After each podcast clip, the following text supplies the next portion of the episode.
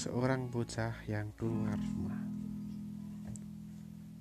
Aku selalu suka menunggumu setelah seharian di tempat kerja.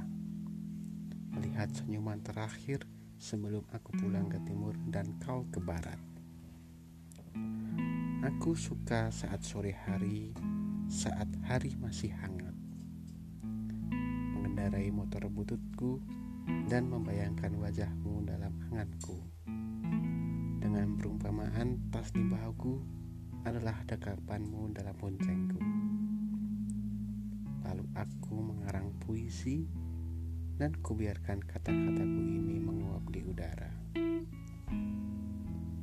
Kupikir laki-laki itu memiliki sisi melankolis. Bukankah itu manis? Sampai di rumah, saat pas dengan rembulan sapit seperti tersenyum manis. Lalu ku ingat dirimu yang punya senyum tak kalah manis. Kadang-kadang ku pikir aku sakit. Tapi sakit apa? Bisa jadi aku terlalu capek. Tapi aku banyak diam di tempat kerja. Ah, rindu kadang memang bikin orang sakit. Padahal suasana sedang ramai. Tapi ramai bukan berarti tak sepi.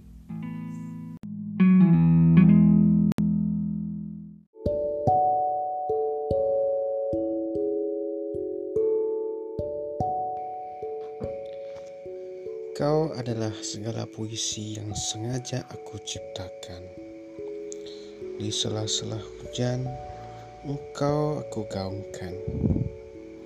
Dengan aroma kopi panas dan petrihor di kebun dan yang kesekian kalinya. Mari nikmati hujan yang untuk berhenti pun lupa. Sisa hujan di kebun butiran embun menggantung di ujung daun. Dan dalam pikirku kepada mereka, engkau membuat lambung. Bagaimanalah bisa merangkul jauh jika jarak bikin keluh, lalu hati makin keruh. Puisi hari ini dan seterusnya masih tentang engkau yang selalu saja aku gaduhkan kepada Tuhan dalam kesunyian walaupun aku tahu ujung-ujungnya selalu saja ini hati minta disapa. Takut benar kena lupa. Adakah engkau masih di sana, bertahta di bujur hati yang terbata? Seperti ada yang tak pernah bisa kukatakan dengan susunan kata yang sedemikian rupa dan berdiam di sudut terjauh dalam hatimu adalah usahaku untuk mengatakannya. Kopi yang kubuat sudah tak lagi berasap. Masamnya kurasa nikmat. Seiring lamunanku menjadi puisi haru. Sebentar lagi hujan ini akan menjadi rindu. Jarak telah mengajarkanku bagaimana mengurus rindu. Rindu mengabarkan padamu betapa getir arus waktu. Aku ingin bangun dari ranjang ingatanmu, dipan yang kau susun dengan lamun selepas lompat embun di ujung daun.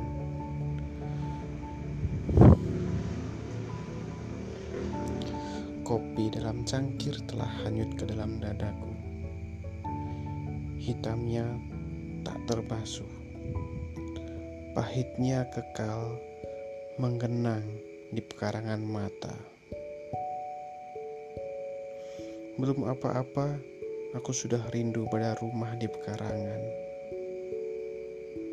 Desember itu, di dalamnya kenanganmu suka berteduh saat hujan mulai berlabuh.